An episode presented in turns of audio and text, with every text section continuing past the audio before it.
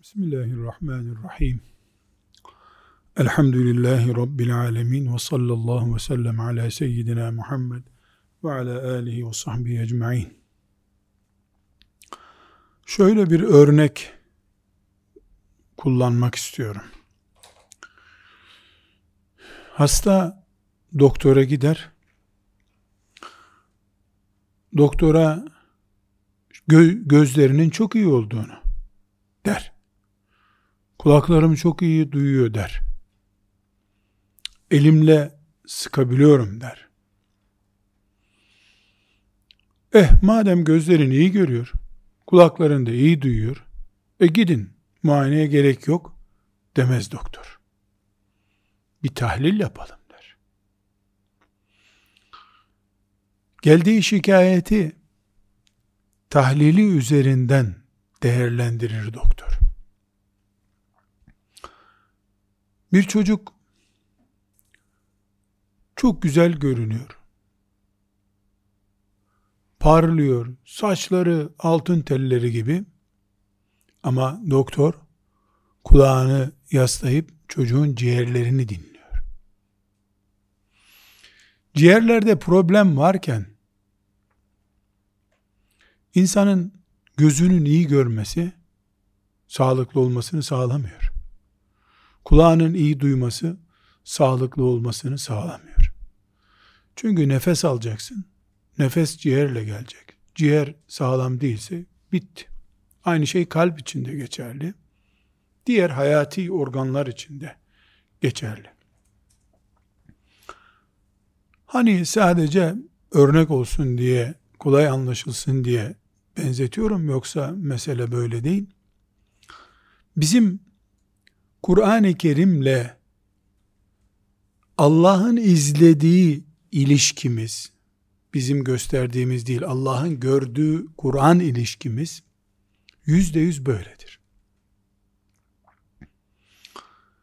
Biz gözümüz iyi görüyor, dolayısıyla ciğerlerim sağlamdır diyemediğimiz gibi, ben Ramazan'da oruç tuttum, dolayısıyla harika bir Müslümanım da diyemeyiz. Toplumumuz süper Müslümandır. Neden anladın? Cuma günü salah okundu camide. Kimse de itiraz etmedi. Bunu dinleyecek bir melek yok bu kainatta. Bir Müslüman olarak Allah Kur'an'la tartıyor bizi. Şahısları da toplumları da, hocaları da, cemaati de Kur'an'la tartıyor. Efendimiz sallallahu aleyhi ve sellem bu Kur'an bir ucu Allah'ta bir ucu sizde olan bir ip gibidir buyuruyor. Kur'an tıpkı doktorun hele bir tahlil yapalım senin ciğerlerinde ne var dediği gibi hele bir Kur'an'a bakalım denen bir şey. Resulullah sallallahu aleyhi ve sellem değil cennete girmeyi, zaten cennet Kur'an'la açılıyor, ayrı bir mesele. Cennetteki sıralamanın bile herkesin Kur'an'la ilgisi kadar olacağını söyle. İkra vartak. Oku, yüksel. Dünyada okuduğun son ayet miktarı kadar cennette yükseleceksin. Şehitler cennete girecekler şüphesiz. Şehitlerin de bir derecesi olacak ama. O derecede savaş meydanındaki şehadet ağırlığı kadar hayattayken Kur'an ağırlığıyla da tartılacak demek ki. Hulasa-i kelam bizim Kur'an-ı Kerim'e bakışımız Allah'ın indirdiği bir kitap ne kadar okursan o kadar sevap kazanırsın düzeyinde ise zarardayız. Kur'an öyle bir kitap değil. Kur'an bizim ciğerimizdir. Nefes alışımız, sağlığımız ona bağlı. Kur'an'la ilişkilerimiz su topladıysa, hani ciğeri su topluyor ya hastaların, Kur'an'la ilişkilerimiz su topladıysa, solunum sorunu yaşıyoruz demektir. Yaşayacağız.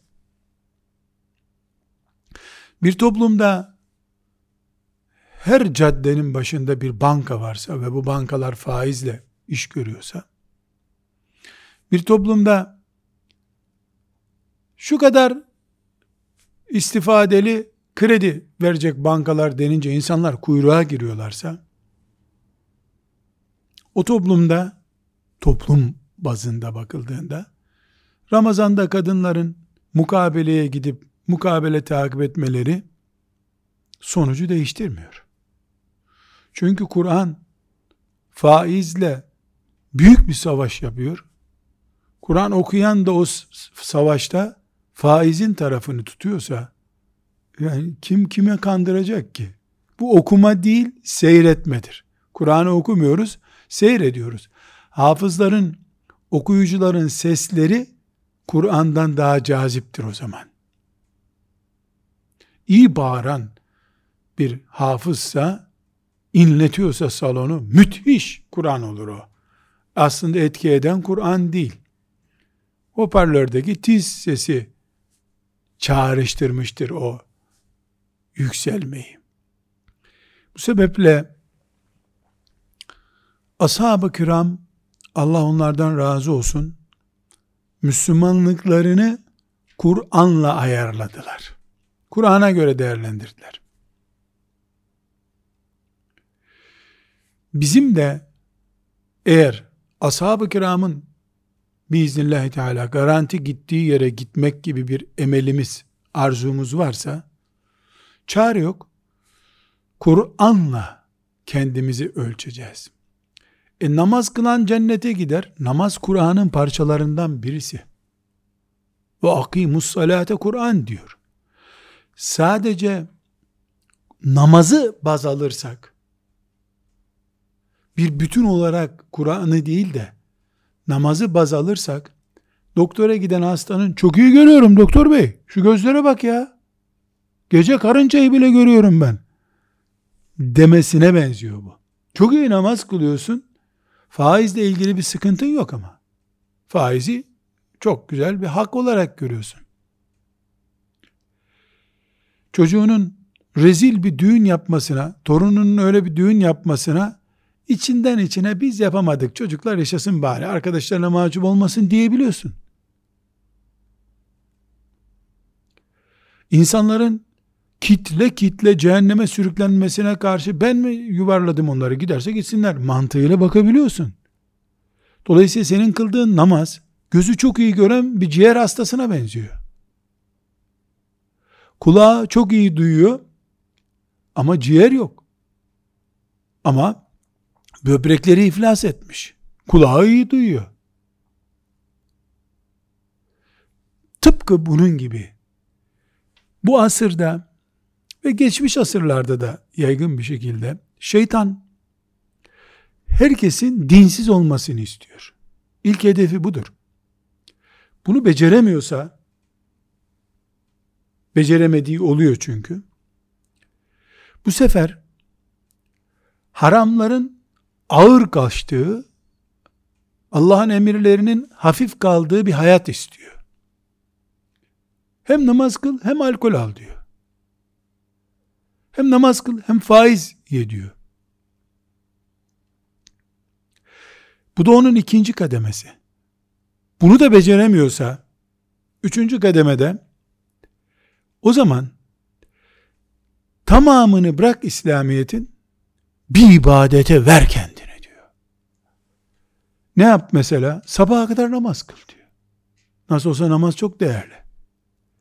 İnsan hiç düşünmüyor bu şeytanın bir taktiği olur. Ne yap diyor? 300 gün oruç tut diyor. Melekler bile kıskansın seni. E peygamber böyle oruç tuttu mu? Yok. Dünyada en çok orucu Davut aleyhisselam tuttu. Davut aleyhisselamdan çok oruç tutan yok bu dünyada. Olmadı. En faziletli oruç da onun orucu.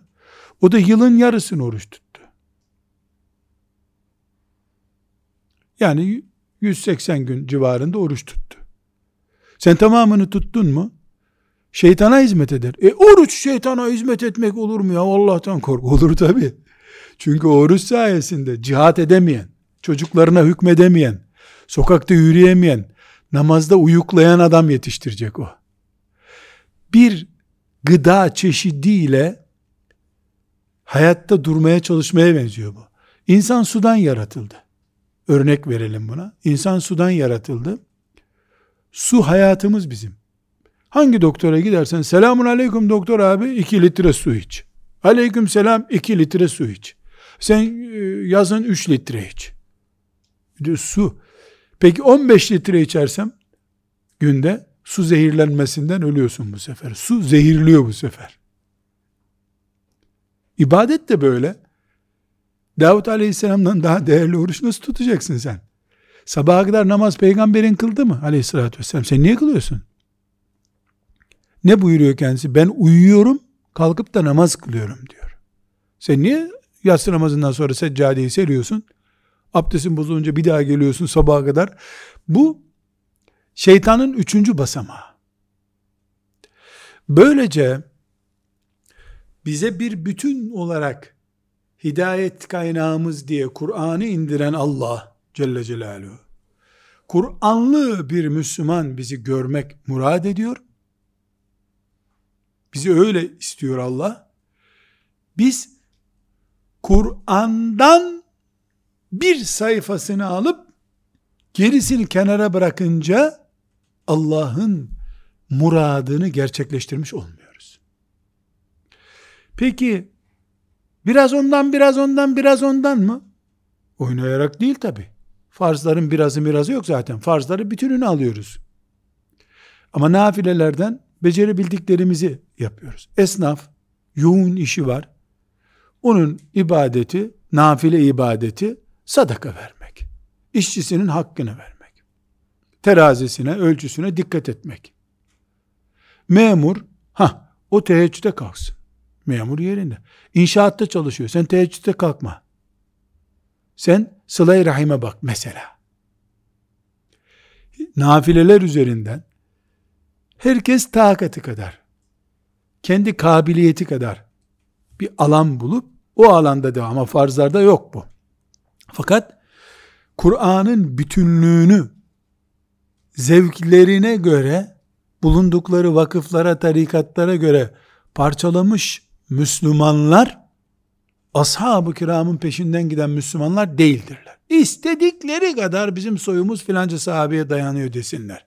Soyun dayanıyor olabilir ona bir şey diyemem ama amelin hiçbir sahabeye dayanmıyor. Hiçbir sahabeye dayanmıyor. Bu sebeple Kur'an-ı Kerim'i Allah'ın indirdiği mübarek okunması sevap bir kitap diye anlamak yanlıştır diyoruz. Kur'an-ı Kerim Allah'ın bize ciğer olarak indirdiği bir kitaptır. Onunla solunum yapacağız biz. Oturup kalkmamızdan, yememiz, içmemizden, her ne varsa bu hayatta Kur'an'la ölçülecek. Bu sebeple Kur'an-ı Kerim'i çocuklarımıza dindarlık öğrensinler. İşte dinsiz olmasınlar. Ben ölünce de Kur'an okusunlar bana diye Kur'an öğretmeyeceğiz. Abdest öğretir gibi Kur'an öğreteceğiz. Hayatı yaşamanın kuralı olarak öğreteceğiz. Rabbimin kitabı diye Kur'an'a sarılan çocuk olacak.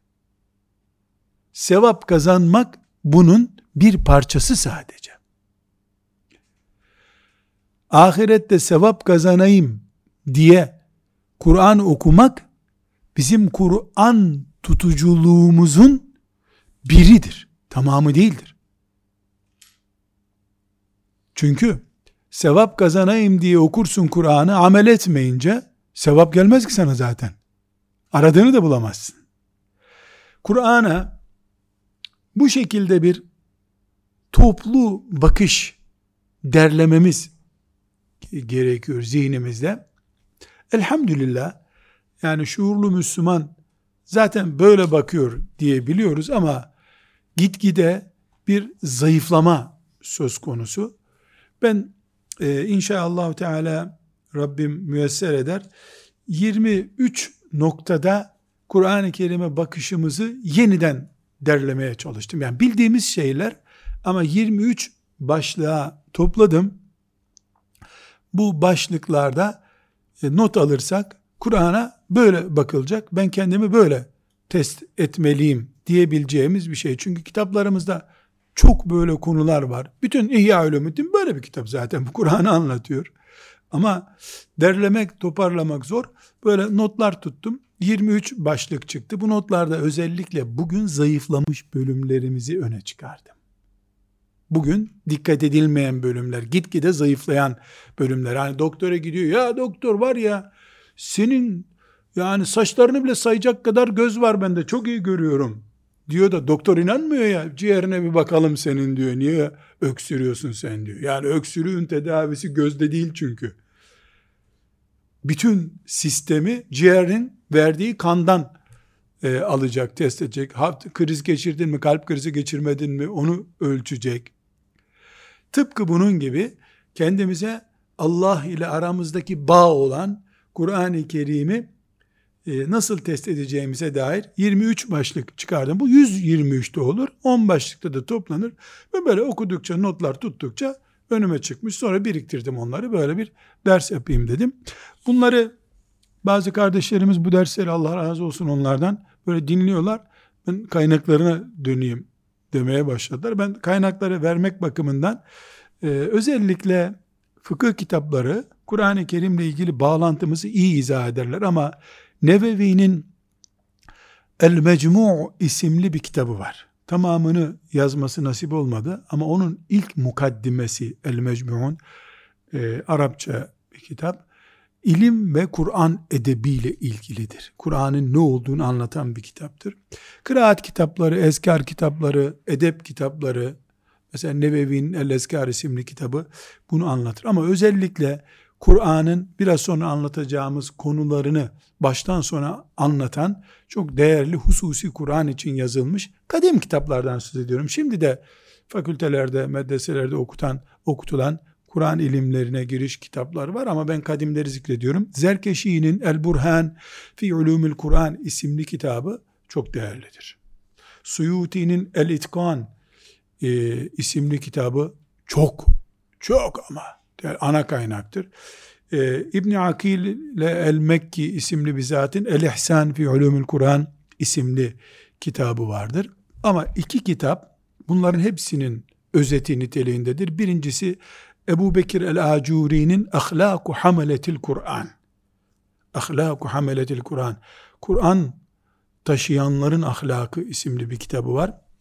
Bir de Nevevi'nin Ettibyan fi adabi Hameletil Kur'an isimli mübarek bir kitabı var.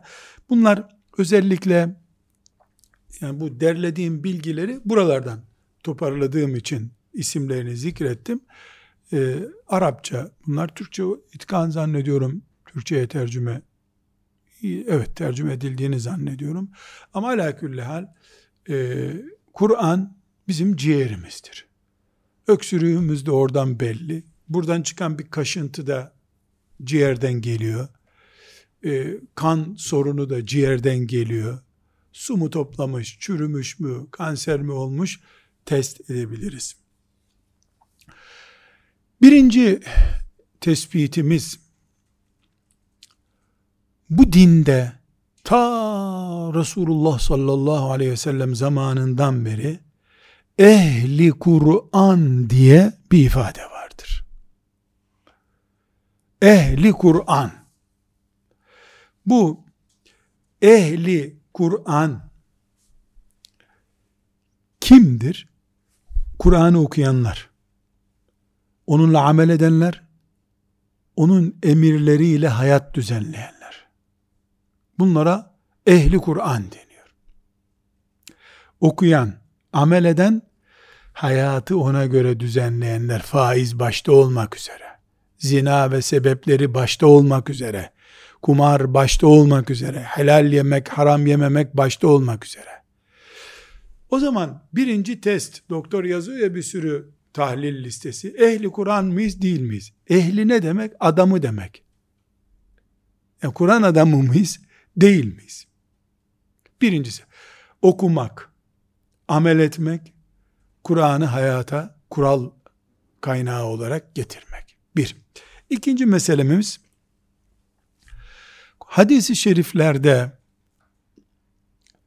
bir ifade kullanılıyor. Bunun açılımı olarak diyor ki hadis, ehli Kur'an Allah'ın özelleridir diyor.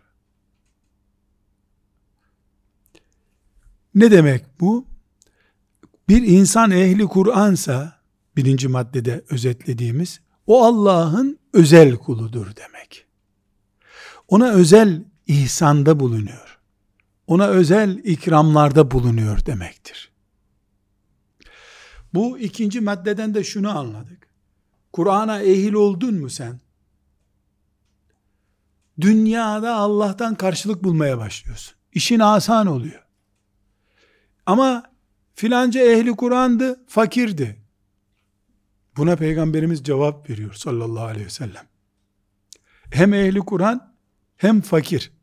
Buyuruyor ki, siz bir insan daha fazla hasta olmasın diye ona yemek peyrizi yapmıyor musunuz diyor. Yapıyoruz ya Resulallah. Çok sevdiği halde filan çorbadan vermiyorsunuz adama. Niye? E seni ishal yapar bu diyorsunuz. İşte Allah da bir kulu sevdi mi dünya nimetlerini kısar ondan buyuruyor. Kısar ki dünya onu batırmasın. İshal yapmasın onu. Biz de zannediyoruz ki hem adam hafız hem aç geziyor. Öyle değil. Hayatı hep şu 50 senelik dünyadan ibaret zannedersen doğru. Ama Allah onu cennetine hazırlıyor. Hazırladığı için de kısıyor önündeki nimetleri. E peki ehle Kur'an ama zengin de var. Ha onu biliyor ki Allah buna verdiğim nimet azdırmayacak bunu. Zekatını verecek, sadakasını verecek, bunu infak edecek, hayırda kullanacak. Onu da kısmıyor allah Teala. Demek ki Allah sen benim kulumsun. Benim misafirimsin dedi mi veriyorsa da bir hikmete binaen veriyor. Vermiyorsa da bir hikmete binaen vermiyor. Üçüncü noktamız yani 23 maddede özetleyeceğim dedim ya. Üçüncü noktamız Kur'an-ı Kerim okunduğu zaman veya dinlendiği zaman okumak ve dinlemek Arapça biliyorsan da bilmiyorsan da hiçbir şey değişmiyor. Düşünmeye, tefekküre ve iç huzura götürür. Okumak ve dinlemek.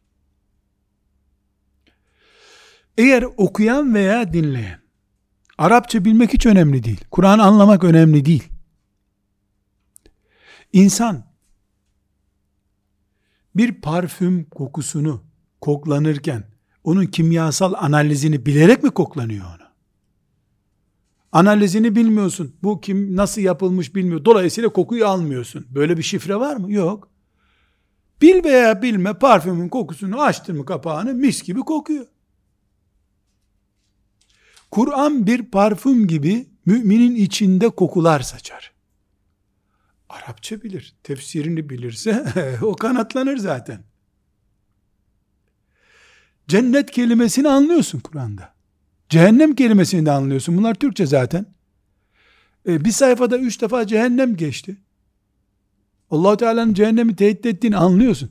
Kafa Kur'an'da ise Arapça bilmeden de mümin Allah'ın orada ne dediğini anlar. Ne dediğini anlar. Bu çok okumakla ilgili de değil. Kuvvetli imanla ilgili bir şey. Konuşanı Allah olarak gördüğün zaman ne dediğini anlarsın Kur'an'ın. Konuşanı oradaki hafız veya ses kayıt cihazı olarak görünce e Arapça bilmiyoruz, biz tefsir bilmiyoruz olur. Bu önemli bir ayrıntı. Demek ki Kur'an okumaktan ne kastediyoruz biz? Düşünce dünyası. E bu ayeti nasıl düşüneceğim anlamıyorum.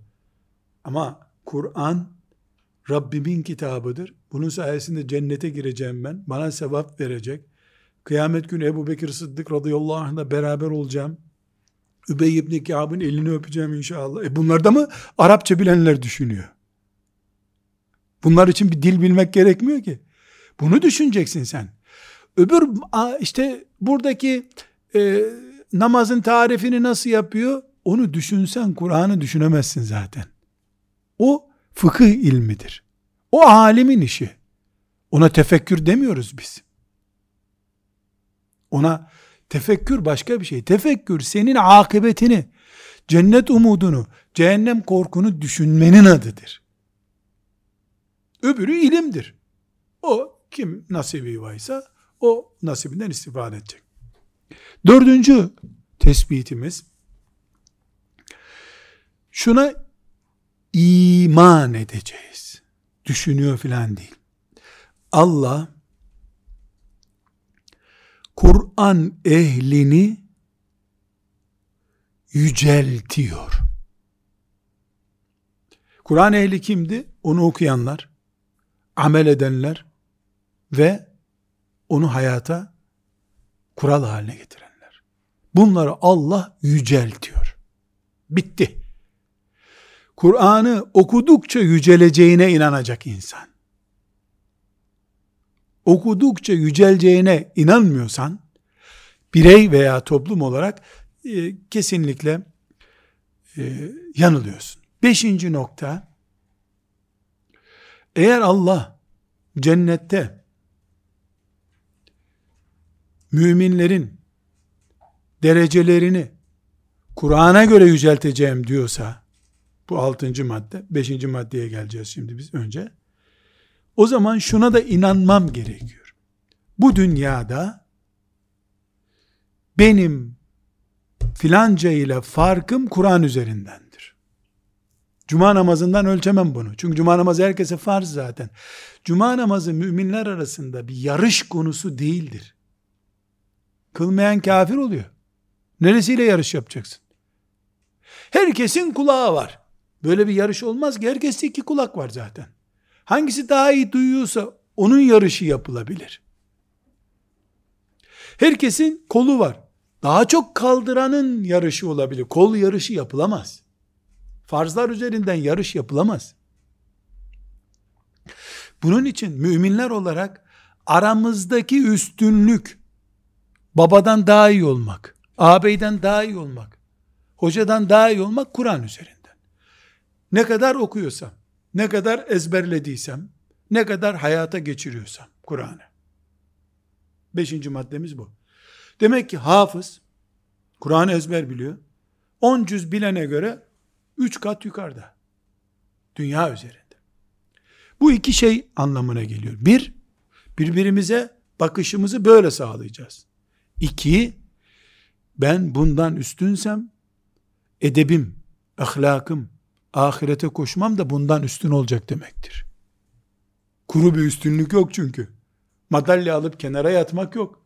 Hakkını vermek var. Ve altıncı nokta, Kur'an-ı Kerim'in dünyadaki sonucu bu olduğu için, doğal olarak ahiretteki sonucu da cennetteki derecelerimizdir. Hadis-i şerif çok net bir şekilde Efendimiz sallallahu aleyhi ve sellem haber veriyor. Kıyamet günü herkese son okuduğun ayet ne kadardı? Bunu melekler biliyorlar mı? Ben bu dünyada kaç ayet okudum toplam? Şimdi ben bunu sayamam.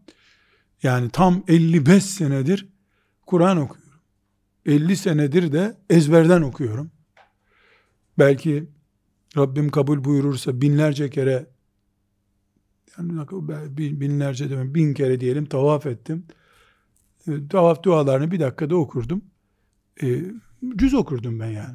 Kaç hatim indirdiğimi hatırlamıyorum. Ama kaç ayet bilmiyorum. Melekler biliyor. Melekler biliyor. Kıyamet günü bana mesela sen 3 milyon 217 bin ayet okudun. Filanca hafız 4 milyon 210 bin okudu. Gerisindesin. Herkes okuduğu ama o ilk maddede saydığımız standartlarda okuduğu ayet kadar yeri var cennette. Peki filanca cihad etmişti, şehit olmuştu. Şehitler arasında da bir ölçüm var. Bir ikincisi Kur'an ana ölçü olunca zaten şehit hafızların yetişmesine sebep olarak şehit olduğu için sayesinde hafızların medreseleri ayakta kaldığı için okunan Kur'anlardan onun defterine yazılıyor sen merak etme. İş adamı akşam eve geliyor, yemek bile yiyemeden uyuyup kalıyor. Yatsıyı zor kılıyor. Oku bir cüz Kur'an diyemiyorsun. Ama sadakalarıyla 20 hafız yetişmiş. O hafızların okudukları dosyada var. Ne hafızlardan eksiliyor ne ondan eksiliyor. Dolayısıyla bir iznillah okumak, dinlemek, okutmak aynı şey. Kıyamet günü Allah'ın terazisinde asla hile yok. Elhamdülillah. Yedinci tespit ettiğimiz şey şuna iman ediyoruz. Kıyamet günü Kur'an gelecek onun okuyucularına şefaat edecek. Müdafaa edecek. Yani avukatlık yapacak. Bir canlı şekline gelip Kur'an-ı Kerim Rabbim bu benim için uykusuz kalırdı bunu affet diyecek. İnşallah Teala. Bunun bir yedinci madde olarak not edelim. Sekizinci maddemiz Kur'an-ı Kerim'le ilgili. Kur'an-ı Kerim ehlinin yani Kur'an adamlarının faziletleri bir ana ve babalarına yansıyacak müminseler tabi. İki onlara hizmet eden herkese yansıyacak. Biiznillahü Teala. Bir Kur'an-ı Kerim musaf vakfettin. Ondan on tane hafız okudu. Biiznillahü Teala sana gelecek. Medreseye gittin, medreseyi süpürdün, medresenin tabaklarını yıkadın, hafızların çamaşırlarını yıkadın. Bu Allah'ın izniyle bulacak bunlar. Hadis-i şerifte diyor ki, kıyamet günü hafızların veya bir hafızın babası mesela gelirken onu melekler bir tac gibi e, değerli bir şeyle süslemiş olarak mahşer yerine getirdikleri için başka melekler peygamberler geçmişti bu geri kalan bir peygamber kim bu diye merak edecekler buyuruyor. Hafızın babası ve annesi. Onu doğurdukları için, Kur'an'a bağışladıkları için. Ve Kur demek ki hafız kendisi biiznillahü teala bahsettiğimiz hafızsa cennetlik annesi ve babası ve ona hizmet edenler. Biiznillahü teala öyle. Yani kendisi hafız olamayan bütün anneler ve babalar bu fırsatı kaçırmasınlar. Aman. Dokuzuncu maddemiz hafızları sürekli övüyoruz. Ama hafız koruyan demektir. Hıfz kelimesi, muhafaza kelimesinden geliyor. Niye hafıza hafız deniyor? Ezberleyip Kur'an-ı Kerim'in unutulmasını engellediği için. Biz hafız deyince Kur'an'ın pratiğini yaşayan insanı kastediyoruz. Bilgisayarı hafız demiyoruz. Bilgisayar da ezberliyor çünkü. Hem de bir cep telefonuna koca Kur'an-ı Kerim iki saniyede yükleniyor. İki saniye sonra Kur'an okumaya başlıyor cep telefonu. Bazen iki saniye de sürmüyor. E şimdi cep telefonu hafız mı? Böyle lakırdısı güçlü adam değil. Ameli güçlü adam hafız demektir. 10. Kur'an-ı Kerim tuvalet gibi, banka gibi yerler hariç her yerde okunur. Ama Kur'an'ın buluşacağı en mübarek yer mescitlerdir. Mescitte okunan Kur'an bir başka. Çünkü mescitte indi Kur'an. Kendi mekanı orası. Bu sebeple camiye giden kardeşlerime caminin bahçesinde bekleyecek yerde camiye girip ezana kadar bir sayfa okumalarını tavsiye ederim. Bir sayfa nedir? En ağır okuyan için beş dakikadır. O kadar vaktim yok. Camide de okunacak musaf bulamadım. Ayet-el Kürsi oku. Ezan okunana kadar. Kur'an çünkü ayet-el Kürsi. Ezber biliyorsun. Evet. 11. maddemiz çok net bir şekilde Resulullah sallallahu aleyhi ve sellem Efendimiz Kur'an sizin lehinizde veya aleyhinizde belgedir dikkat edin buyuruyor. Kur'an herkesin lehinde veya aleyhinde belgedir. Lehinde ne demek? Torpil. Aleyhinde ne demek? Tutuklanma nedenin demek. Kıyamet günü. Bu dört noktadan tespit edilecek. Dünyada okudun mu? Onunla amel ettin mi? Kur'an'a müdafaan var mı? Dört, hizmetin var mı? Bu dört noktada herkes Kur'an'ın lehinde veya aleyhinde bir dostudur. Ya da düşmanıdır.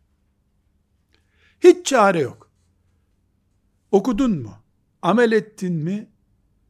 Ona satışılırken müdafaa ettin mi? Ve müdafaası ne demek? Tabi sahiplenmek demek. Laf kavgası yapmak demek değil. Ve onu başkalarına ulaştırmak için, nesillere ulaştırmak için bir şeyler yaptın mı? Kıyamet günü avukatın olarak da gelecek Kur'an, düşmanın olarak da gelecek maazallah. 12. noktamız. Resulullah sallallahu aleyhi ve sellem Efendimiz özellikle evlerde Kur'an okunmasını emir buyurmuştur. Evlerinizi mezarlığa çevirmeyiniz manasında. Evlerin bereket nedenlerinden en başta o evlerde Bakara ve Ali İmran suresi okunması gerekiyor. Yeni taşınılan bir eve perdeleri konmadan önce perde ne demek? Mahremiyet şekilde oturabilecek, mahremiyete bakıp oturulacak hal demek. Badanası yapıldı, temizliği yapıldı. Perdeci bugün gelip perdeleri takacak. Dur. Önce burada bir Ali İmran suresi, Bakara suresi okuyalım. Hafız çağırtarak mı? Yok öyle bedava. Ne hafız çağırıyorsun? Sen niye okumuyorsun? E ben okuyamıyorum. Kur'an okuyamayan adam ev satın alır mıymış? Hiç mi önceliği yok Kur'an-ı Kerim'in? Ali İmran suresi, Bakara suresi okunmamış bir evde kimse oturmasın. Kimse uyumasın. Ondan sonra da Ramazan-ı Şerif'i beklemeden her gün herkes takati kadar mesela üç nüfuslu bir eviz üçe bölüp bir cüzü her gün bir cüz okuyalım. Beş nüfuslu bir eviz çok daha kolay. Hemen üçer sayfa, dörder sayfa okuyalım. Baba on sayfa okusun, gerisi üçer sayfa bölsün. Evimiz Kur'an evi olursa biiznillahü teala o ev bereketli bir ev olur. 13. maddemiz Kur'an öğrenmeye karar verildiğinde 5 yaşındaki çocuk hariç tabi onun şöyle dikkat et diye bir şey söylenmez ama aklını kullanabilecek yaştaki herkese Kur'an öğreniyorsa tavsiye edilecek kurallar var. Bir, niyetin Allah olsun. Ve ihlaslı ol bu niyetinde. Bedenin ve kalbin temiz olacak. Yemek yedikten sonra Kur'an okuma. Dişlerini temizle öyle oku. Abdestli oku. Kur'an öğreniyorsun çünkü. Allah'tan ne istediğini bilerek oku. Hocanı ve Kur'an'ı iyi dinle. Kur'an'la bağlantı kurmaya çalıştığın günden itibaren ahlakta bir numara olmak zorundasın. Çünkü Kur'an ahlak kitabıdır. Ahlaksıza geçmez. Yani onu öğrendiğini zanneder ahlaksız öğrenemez. 14. madde her Kur'an öğrenmek isteyen sabrı, ihlası ve heyecanı kadar öğrenebilir. Bu üç şeyi aşamazsın. Sabrın, ihlasın ve heyecanın. He ya, öğrenelim şu Kur'an'ı. İyi olur.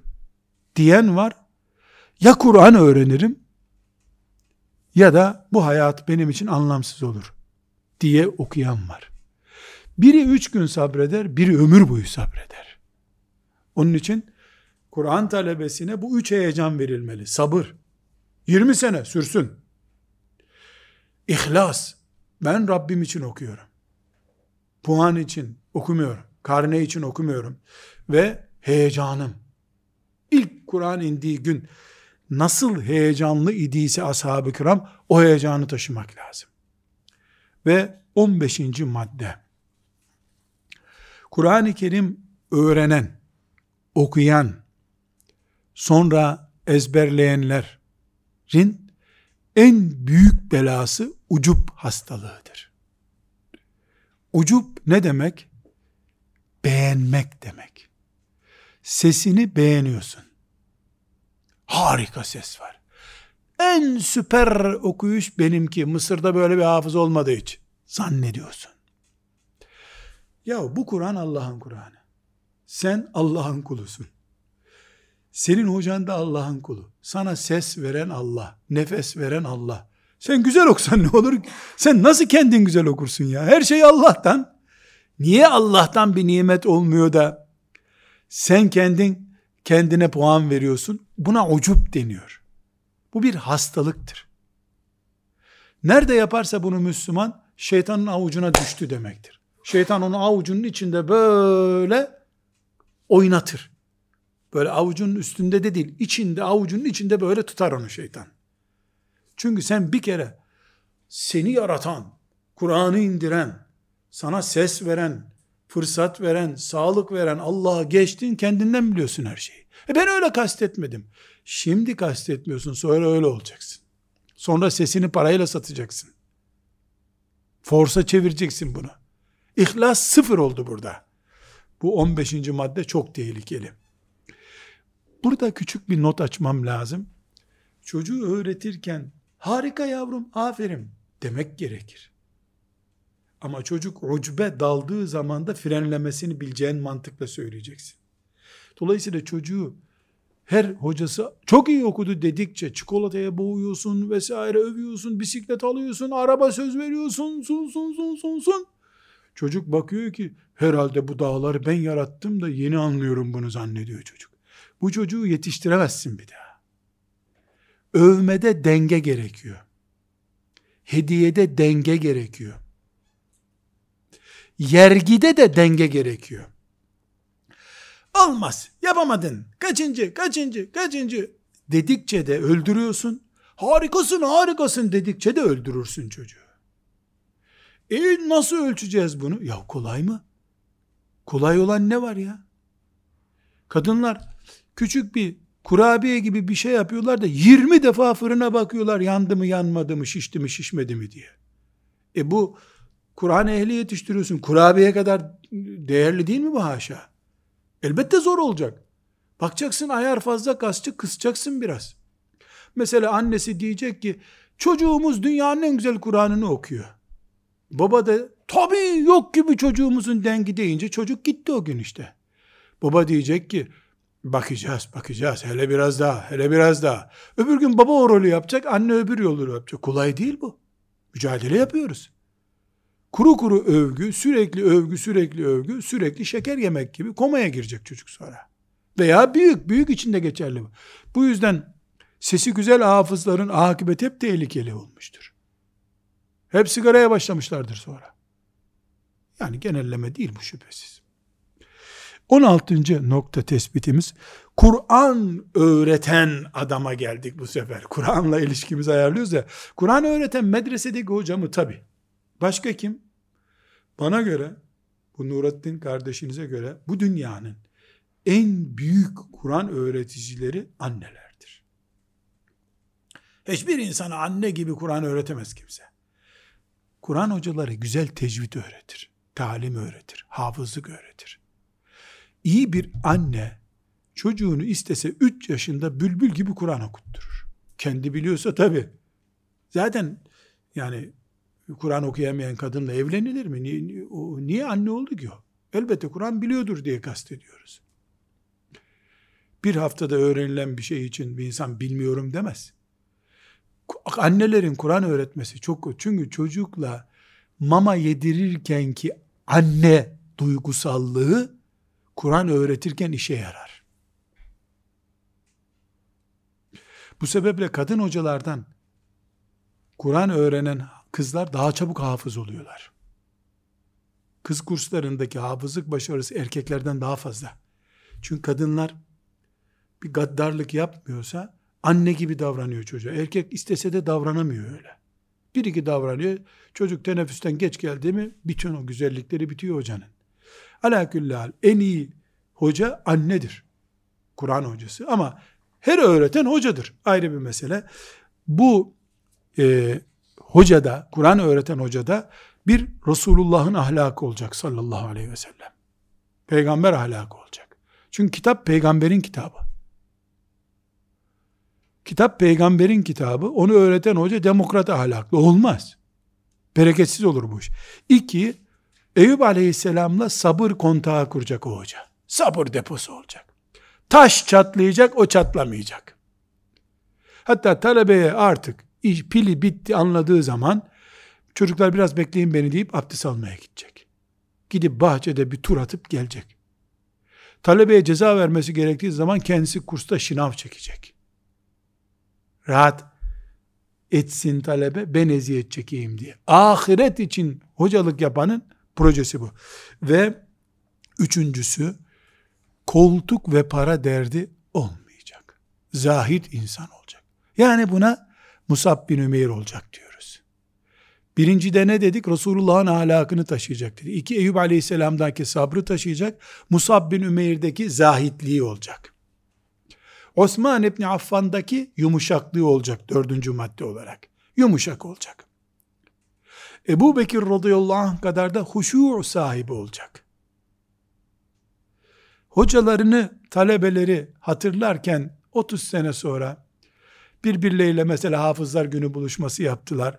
Diyecekler ki ya arkadaşlar hatırlıyor musunuz bizim hocamız var diye hafızlık. Biz okurken cennet ayetleri geldi mi ağlardı. He ya he ya. Böyle hatırlanan bir hoca olacak. Huşu bu.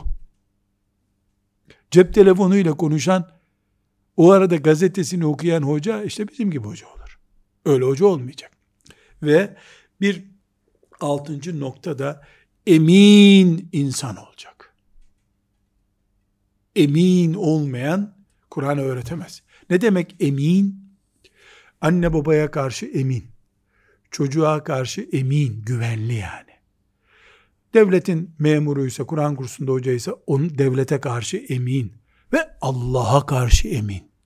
Yalan yok, hile yok, dolan yok. 16. madde bu. 17. madde Kur'an okurken de bazı terbiyeler var.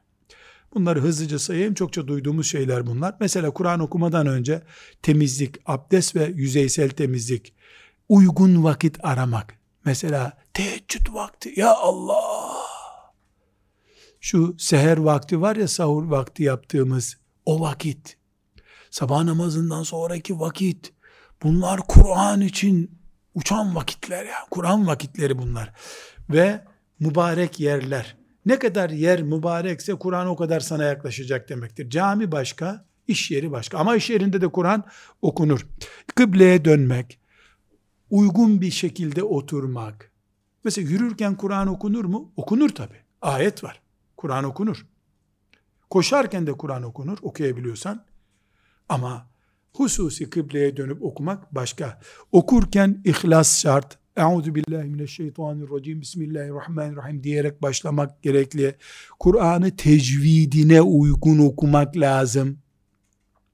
Tecvidine uygun okuyabilmek için de Arap alfabesiyle yazılması lazım. Yani Grek alfabesiyle, Latin alfabesiyle yazıldığında tecvidle okuyamazsın Kur'an. Hiç okuyamazsın zaten. Mümkün olduğu kadar Müslüman sesini güzelleştirmeli. Bağırmalı değil ama. Sesini güzelleştirmeli. Arapça bilmiyorsa bile cennet kelimesi geçince kendisini böyle ağaçlara bakıyor gibi, nehirlere bakıyor gibi görmeli. Ayetlerde cehennem kelimesi geçince eli yandı mı diye bakmalı. Buna tefekkür, tedebbür diyoruz. Ve bitince de hatim, Kur'an-ı Kerim okuduk, hatim bitti veya bir cüz okuduk bitti. Sadakallahul azim deyip kabul eyle ya Rabbi diye dua edilir. Hatimden sonra dua etmek vardır. Ne duası peki? Allah'tan ne istiyorsan onu söyleyeceksin. Hatta e, ashab-ı kiramdan bazıları çocuk, çocuklarını, ailesini çağırıp hatim bitti gelin Kur'an okuyalım şeklinde e, derlermiş. Ve 18. maddemiz Kur'an-ı Kerim'den ne kadar okuyalım? Bunu ikiye ayırıyorum. Hafızlar için ne kadar yok. Her boş bulduğun 10 dakikada okuyacaksın. Günde 300, 400, 200. 7 günü aşmamak şartıyla. Yani 6 günde bitirirsen sünnete uygun olmaz. 6 günde bitirmeyeceksin. Ne kadar da bitireceğiz Kur'an-ı Kerim'i? En ideali hafız için 7 günde bir hatimdir. E, bir imam mesela. Mübarek bir fırsat onun için. Peki hafız olmayanlar onlar için de mübarek bir iş 30 günde bir e, hatim indirmek. Yani her gün bir cüz okuyabilmektir. Bu yoğun hayat içerisinde bunun çok uygun olmayabileceğini herkes için uygun olmayabileceğini düşünüyorum. E, iki ayda bir olabilir. Yılda bir hatim indiren birisi yoğunluk Ramazan'da olmamak şartıyla. Yani Ramazan'da 28 cüz okuyor, 11 ayda da 2 cüz okuyor. Yılda bir hatim onu kastetmiyorum. Ramazan'da okuduklarımız e, dijital rakamlara girmiyor. O, onu onu yok kabul ediyor. Ramazan zaten Kur'an ayı. Yani yılda bir okuyanlar bir dahaki yıl bunu 10 aya düşürmek şartıyla, öbür yıl 9 aya, öbür yıl 8 aya düşürmek şartıyla o da olur diyebiliriz. Ama yüzde yüz sahih bilgiler olmamak şartıyla ashab-ı kiramın Kur'an okuma takvimi ile ilgili bir bilgi verebilirim burada. Yani sünnet böyledir, başka türlü olmaz manasında değil. Bazı sahabilerin e, günlük Kur'an okuma takvimi böylece yani e, Kur'an-ı Kerim'i yedi güne bölüyorlar.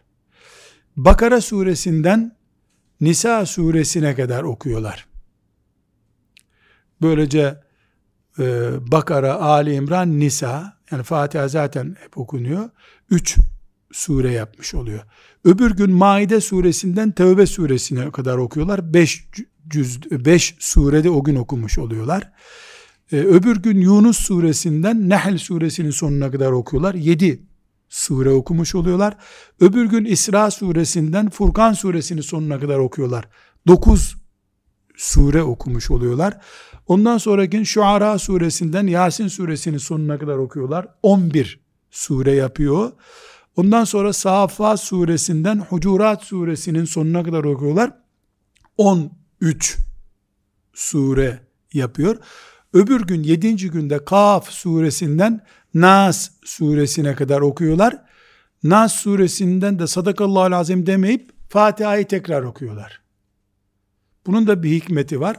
Ee, bunu da inşallah e, anlamış oluruz. Bu da yani hatim bitiyor ya Nas suresinde Fatiha'yı da okuyarak ölürsem yarın yeni hatimi başlamış olarak öleyim diye okuyorlar ona.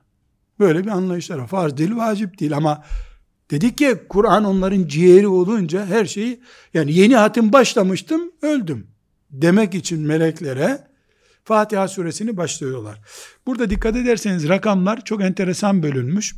İşte Bakara'dan Nisa'nın sonuna kadar deyince 3, 5, 7, 9, 11, 13 ediyor bu rakamlar. Ondan sonra da zaten Kaf suresinden Nisa suresi, Nas suresinin sonuna kadar da Kur'an-ı Kerim e, bitmiş oluyor. Bu yedi gün. Ashab-ı kiramın takviminde yedi gün Kur'an okumak. Efendimiz sallallahu aleyhi ve sellemin Abdullah İbni Amr İbni As'a da e, tavsiye ettiği e, gün sayısı bu. Ashab-ı kiram ve selefi salihinde sureyi yarım bırakmama diye bir kural var. Ama farz değil, vacip değil. Sureyi bitirip öyle sadakallahu lazim diyorlar. Fakat Bakara suresi gibi, Ali İmran, Nisa ve Maide e, suresi gibi hatta e, E'raf da bayağı uzun suredir. Yani bölünmesinde bir sakınca yok aslında. Yani Kur'an-ı Kerim ayetin ortasını bırakmak sakıncalı. Ayet sonunda sadakallahu lazim denip bırakılabilir. Ama dedik ki bir Kur'an zevki inşallah hedefimiz ne? İnşallah mesela 10 sene sonra hedefim benim 7 güne bu şekilde bölünmüş bir takvimle Kur'an okumak inşallah. 19. E, maddemiz Kur'an-ı Kerim için hangi vakit değerlidir? Kesinlikle bütün vakitler değerlidir ama namaz kılarken okunan Kur'an başkadır. Namaz kılarken Kur'an okumak başka. Ve bu özellikle de teheccüd namazıysa. Şimdi bu hafızlar için çok büyük bir nimet. Elhamdülillah. Ama hafız olmayan ne yapacak? Nafile namaz kılarken sen ne biliyorsun Kur'an-ı Kerim'den? E, Fil suresini biliyorum. İşte 10 sureyi biliyorum. Birinci rekatta 10 sureyi oku beraber. Fil suresi, Kureyş suresi oku. E, aynı sureler oku hiç korkma. E ben sadece e, Kevser ve İhlas suresini biliyorum. 15 defa, 20 defa bir, birinci rekatta 20 defa Kevser suresini oku. Çok Kur'an okumak istiyorsan namazda. Namaz müthiş bir değer. Kur'an başka bir değer. İkisi birleşince sen meleklerle yarışıyorsun demektir. Biiznillahü Teala.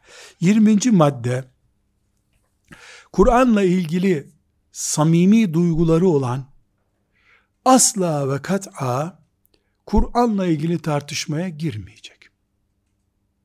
Filancalar dedi ki Kur'an'da eksiklik var. Ona cevap vermek de onun tuzağına düşmektir. Bilhassa genç kardeşlerimi ve hanım kardeşlerimi ikaz ediyorum. Sordukları sorulardan anlıyorum. Birilerinin hatasını düzeltmeye çalışıyorlar. Böyle bir şey yok bizim dinimizde. Her tartışmada kazanan şeytandır. Hatta o ikna oldu. Ha ben yanlış biliyormuşum Allah affetsin dese bile sen tartıştıkça kendi imanından erimeye sebep oluyorsun. Peki hani dinimizi yayacaktık? Biz sadece bu dediğin yanlıştır. Allah'tan kork diyeceğiz. Bitti. işe devam. O bir şey daha sordu cevap yok. Kur'an tartışılmak için değildir. İman edilmek içindir. 21. Kur'an'la ilgili tavsiye edeceğimiz şey Kardeşlerim, bu bahsettiğimiz okuma takvimi en ideal bir şekilde virt edinilerek güzel yürür. Virt periyodik okuma sistemi demektir. Eskilere ait bir ifadedir bu. Mesela işte diyor ki Abdullah İbni Mesud'un virdi vardı. O virdi saydım biraz önce. 3 sure, 5 sure, 7 sure, 9 sure, 11 sure, 13 sure. Kaftan Nas'a kadar Abdullah İbni Mesud'un virdi o. Veya Übey İbni Kâb'ın virdi işte. En ideali virt edinmektir. Nedir virt edinmek? Ben her gün hayat düzenim gereği yatmadan bir saat önce bir vaktim oluyor. Ha, o bir saatin 10 dakikasını Kur'an'dan 5 sayfaya ayırıyorum. Ve bunu 20 senedir devam ettiriyorum. Süper bir şey. Allah kabul etsin. Çünkü hadis ne buyuruyor? Az da olsa sürekli olan, virt olan değerli. Bunun yerine pazar günü elhamdülillah 5 saatimi Kur'an'a ayırdım 10 cüz okudum. Allah kabul etsin çok güzel bir şey. Bu 5 sayfalık virt ondan değerli. Çünkü her gün bir ilacı kullanmak her gün onun kontrolünde olmaktır. Haftada bir gün kullandığın zaman diğer günler kaşıntı geri gelecek. Risk taşıyor. 22 başlığımız Kur'an başka şey, mushaf başka şeydir. Kur'an Allah'ın okuduğumuz bu kitabındaki sesin adıdır. Elhamdülillahi Rabbil Alemin. Bu Kur'an sesi. Bunun yazılı olduğu, kağıtların bulunduğu kitaba mushaf diyoruz. Bizim imanımız Kur'an'adır, saygımız mushafadır. Musaf-ı Şerif'i abdestsiz tutmuyoruz. Alt yere koymuyoruz. Üstüne başka bir şey koymuyoruz. içine yazı karalamıyoruz. Yani kesinlikle dikkat ediyoruz. Ama Kur'an-ı Kerim iman meselesi bizim için. Bu aradaki fark çok mu önemli? Bir Kur'an adamı olacağız dedik ya çok önemli. 23.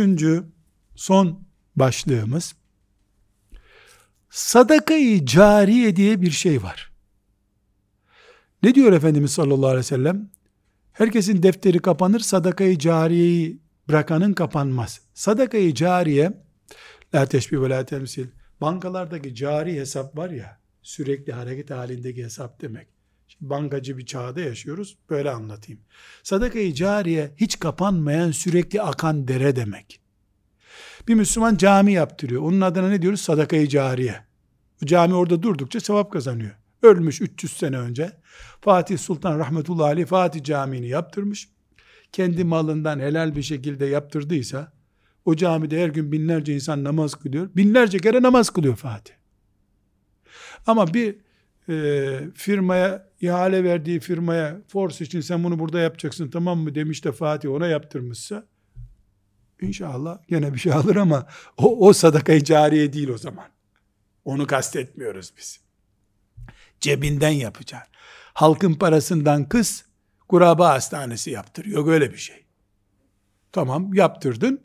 Halk yaptı. Sen niye adını veriyorsun o zaman?